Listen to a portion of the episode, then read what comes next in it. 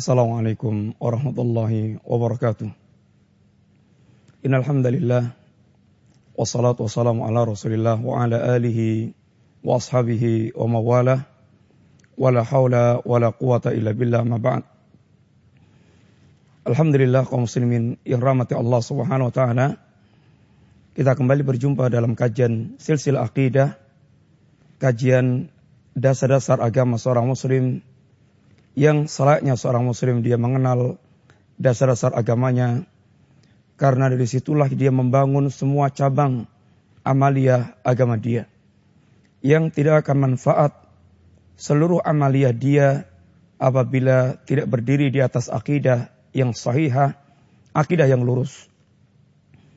Pada pertemuan yang lalu kita telah sampai pada pembahasan dari mana kita membangun akidah dari mana seorang muslim dia membangun akidahnya? Dari mana akidah itu dia ambil? Di tengah-tengah kenyataan umat. Banyaknya pemikiran-pemikiran yang aneh. Yang mereka juga mengatakan akidah. Akan tapi ternyata ketika ditelusur. Akidah mereka dia bangun dengan semata-mata akalnya. Sebagian mereka membangun akidahnya dengan semata-mata perasaannya. Sebagian mereka membangun akidahnya dengan mimpi-mimpi. Sebagian mereka membangun akidahnya dengan ilmu kasyaf. Dan di antara mereka pula ada yang membangun akidah nampaknya dengan dalil akan tapi dengan hadis yang dhaif dan maudhu, hadis-hadis yang palsu. Maka telah kita sampaikan bahwa seorang muslim dia punya kewajiban membangun akidah di atas kitab dan sunnah Al-Quran dan Sunnah. Karena itulah jalan yang lurus. Akan tapi perlu kembali kita tegaskan dan kita tekankan fenomena zaman yang realitas menunjukkan benarnya sabda Rasulullah sallallahu alaihi wasallam bahwa umat ini dia terpecah belah ke dalam berbagai macam firqah pemikiran kelompok-kelompok yang memiliki pemikiran yang menjadi dasar agama mereka yang dengannya mereka membangun agama mereka. Maka ada sebuah kunci yang sesungguhnya telah diajarkan oleh Allah Subhanahu wa taala dan Rasulnya sallallahu alaihi wasallam. Yang itu merupakan kunci lurusnya kita di atas agama Allah Subhanahu wa taala. Ketika kita bertanya pada sekian banyak firqah-firqah dan kelompok-kelompok yang ada di tengah-tengah kaum muslimin.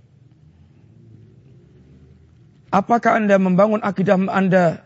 Apakah Anda mendasarkan agama Anda dengan kitab dan sunnah? Tentu mereka akan mengatakan, iya. Kami membangun agama kami dengan Quran dan sunnah. Akan tapi kemudian ketika kita melihat kenyataan hasil pemikiran mereka buah pemikiran mereka yang berkembang menjadi amalia agama mereka. Maka sungguh kita melihat kenyataan yang pahit betapa sangat tajamnya perbedaan antara kelompok muslim yang satu dengan muslim yang lain. Perbedaan yang terkadang tidak mungkin ditemukan. Kaum muslimin rahmati Allah SWT. Maka ketika kita melihat kenyataan bahwa ternyata orang memahami Al-Quran dan Sunnah bisa menghasilkan perbedaan-perbedaan yang sangat jauh dan sangat diametral.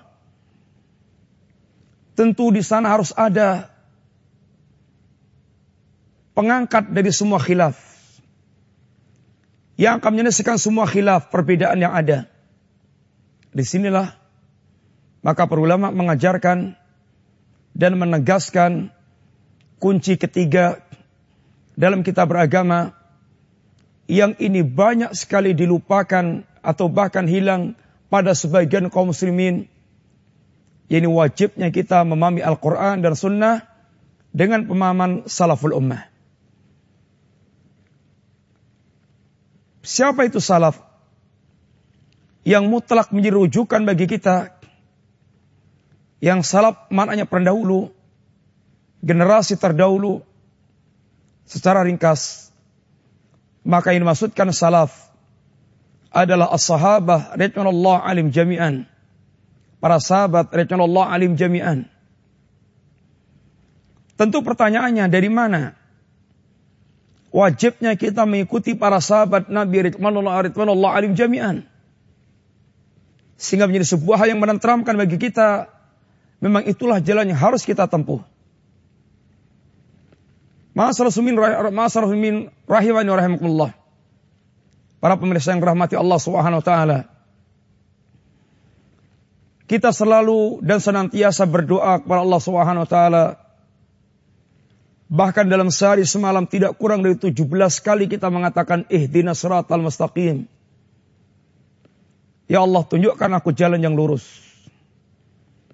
Kita sangat ingin ini kita berada di atas siratal mustaqim. Dan surat al-mustaqim telah dijawab oleh Al-Quranul Kirim. Bagaimana seorang atau apa itu asrat al-mustaqim?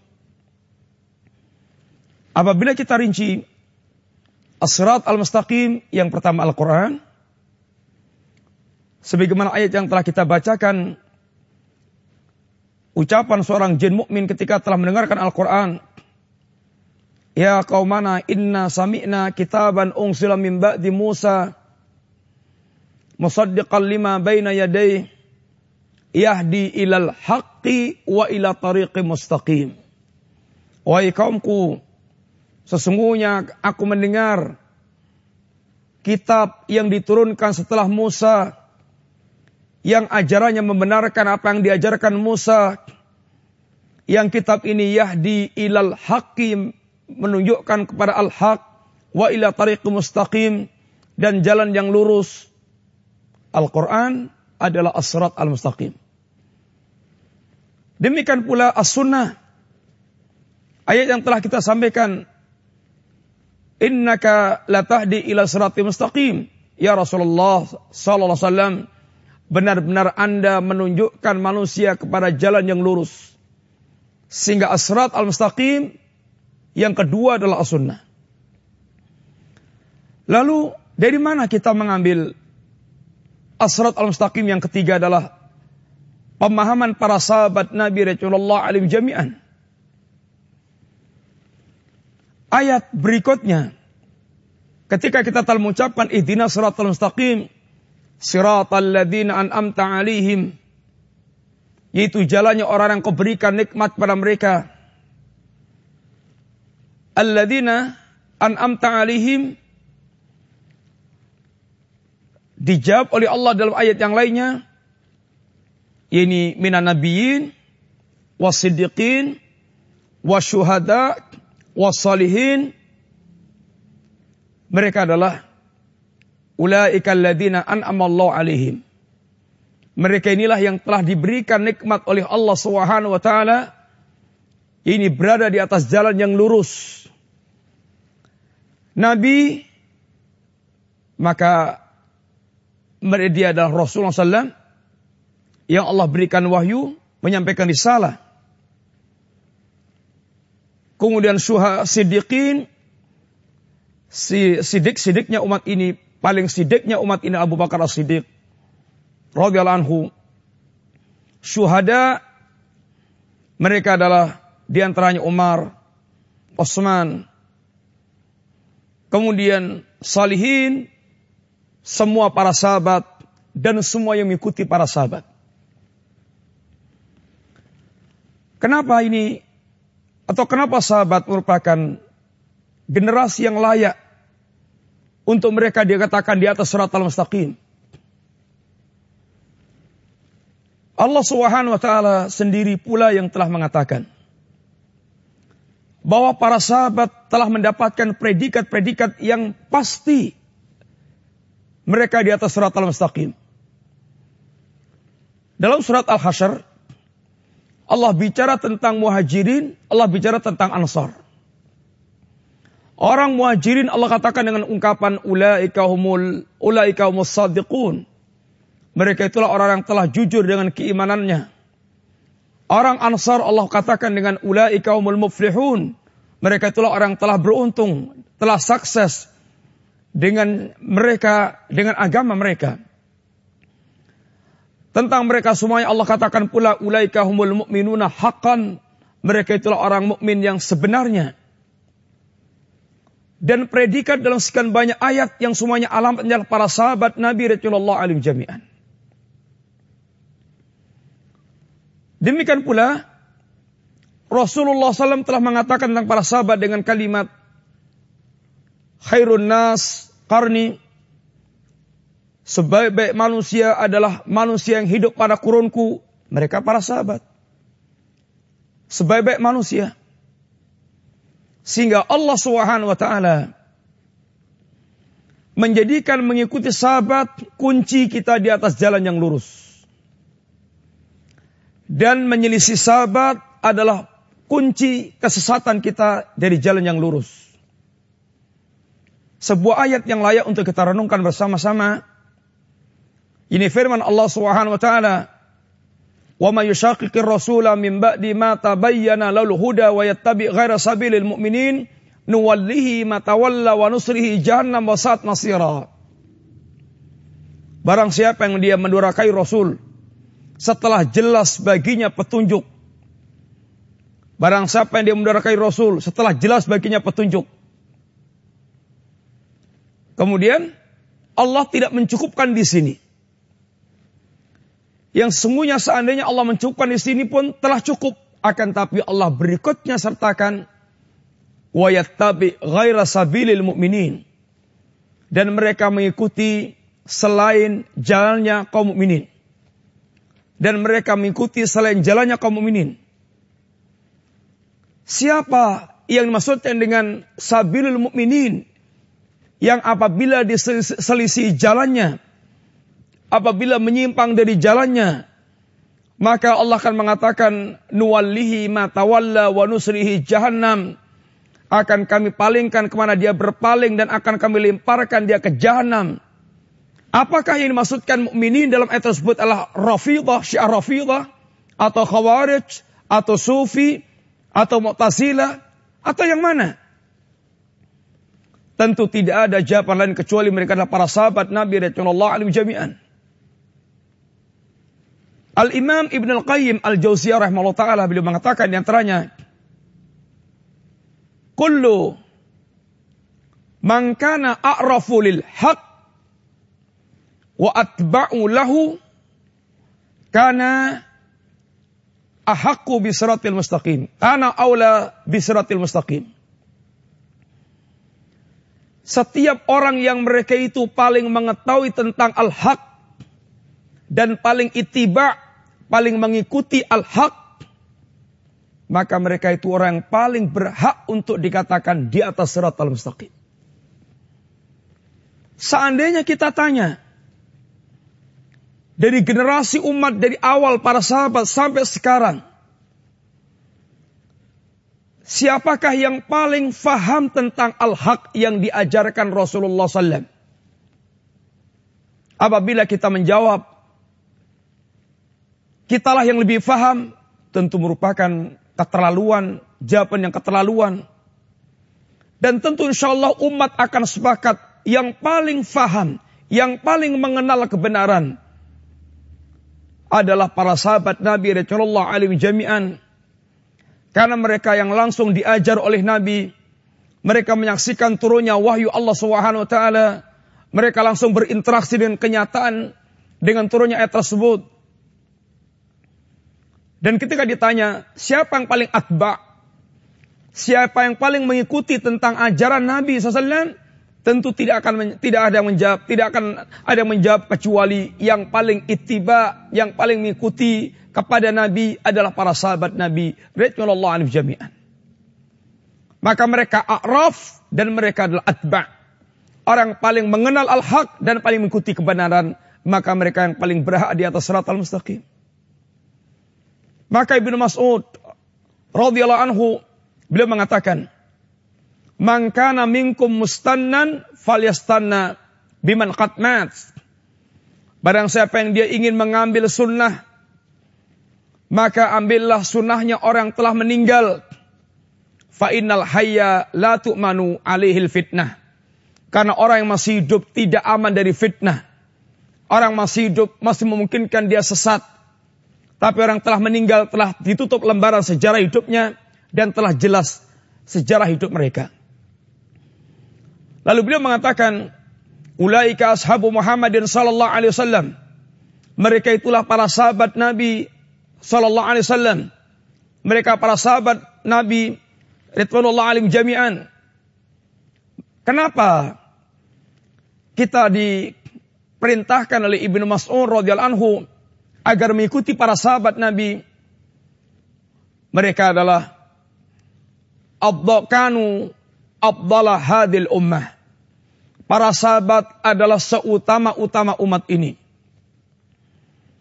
Wa abarrahum quluban dan pemilik hati yang paling baik wa maqaha ilman ilmunya paling mendalam dan wa aqallaha takallufan dan paling sedikit dalam mengada-ada. Ihtarahumullah li suhbati nabiyhi dan Allah telah memilih para sahabat untuk menemani nabinya.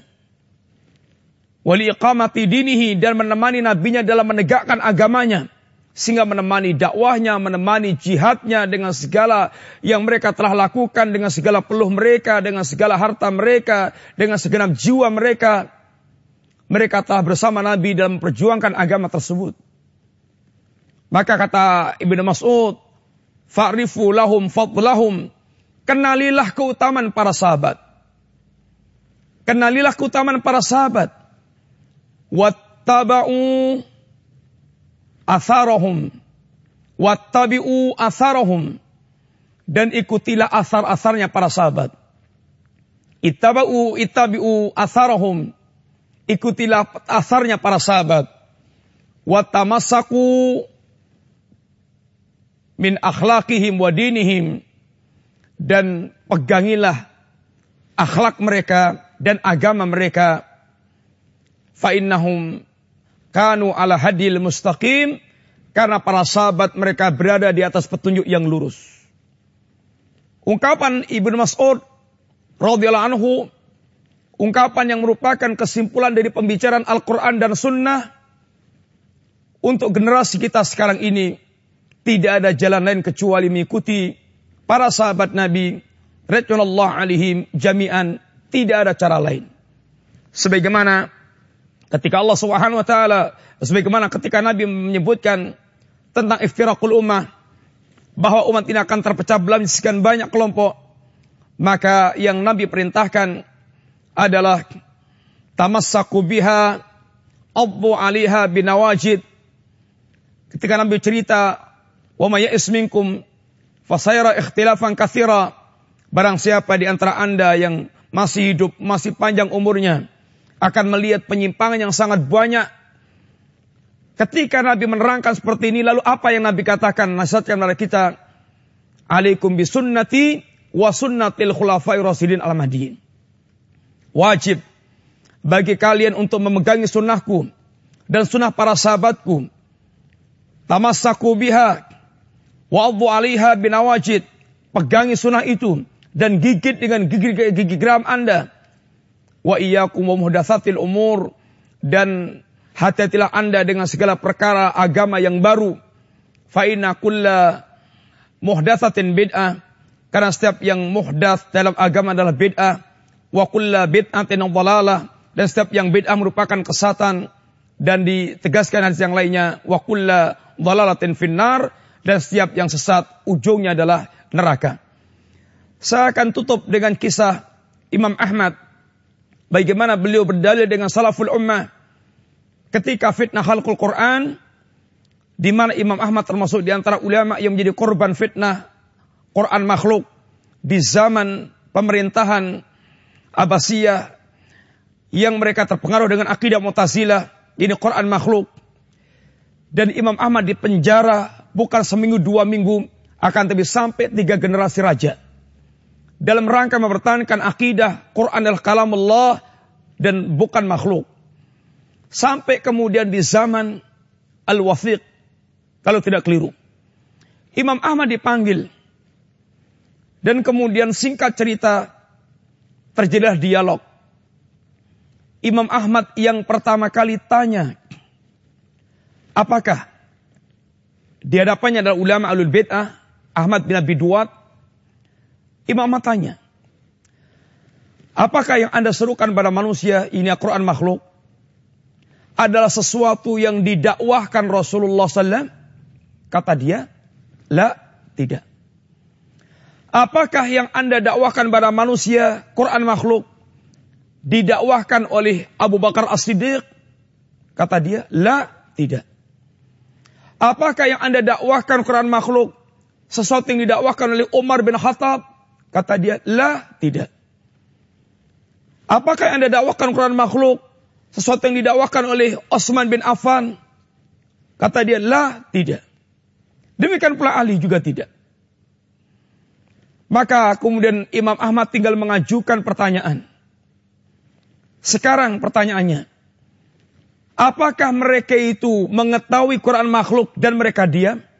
Ataukah mereka tidak mengetahui? Kalau seandainya kalian mengatakan Nabi, Abu Bakar, Umar, Osman, Ali, mereka mengetahui Quran makhluk dan mereka diam, tidak mendakwahkan. Maka tentu kita lebih layak untuk tidak mendakwahkan dan tidak ada tidak akan terjadi seperti Anda lakukan memaksakan orang untuk berkeyakinan Quran makhluk. Itu seandainya mereka tahu dan mereka ternyata diam tidak mendakwahkan, maka kita lebih layak untuk tidak mendakwahkan. Akan tapi seandainya Anda menjawab, mereka tidak mengetahui. Lalu Anda dan kawan-kawan Anda mengetahui Quran makhluk, Luka ibnu Luka, kata Imam Ahmad. Alangkah bodohnya dan alangkah ini bodohnya. Luka ibnu Luka. Alangkah pandirnya. Nabi tidak tahu, Abu Bakar tidak tahu, Umar tidak tahu, Osman tidak tahu, Ali tidak tahu, Anda dan kawan-kawan Anda tahu. Luka ibnu Luka. Maka begitu Al-Wasiq mendengar dialog Imam Ahmad dengan Ahmad bin Abi Duat dia langsung melompat ke kamarnya sambil menutupi wajahnya dan kemudian ketawa dan kemudian dia pikirkan di kamarnya bahwa seandainya Rasulullah, Umar, Osman, Ali tidak tahu lalu Anda dan kawan-kawan tahu luka ibn luka. Maka saat itulah, mulai saat itulah kedudukan mereka jatuh di mata raja dan saat itulah pula Imam Ahmad mulai mendapatkan kebebasan dan dibebaskan dari cengkeraman selama ini yang disiksa dikarenakan menolak akidah Quran makhluk. Masalah muslimin, dari sini kita mengetahui betapa kita wajibnya untuk kembali kepada pemahaman salaful ummah dalam rangka untuk kita tetap lurus di atas al mustaqim karena barang siapa yang mereka menyimpang dari mengikuti jalannya para sahabat maka sebagaimana Allah katakan nuwallihi matawalla wa nuslihi jahannam akan kami palingkan ke mana dia berpaling dan akan kami limparkan dia ke jahanam alias mereka akan memasuki lorong-lorong kesatan mudah-mudahan Allah Subhanahu wa taala menjaga kita semuanya untuk lurus di atas agamanya dengan mengikuti Al-Qur'an dan sunnah dengan pemahaman para sahabat. Dan Allah jami'an. Wa sallallahu ala nabiyyina Muhammadin wa ala alihi wa wasallam Assalamualaikum warahmatullahi wabarakatuh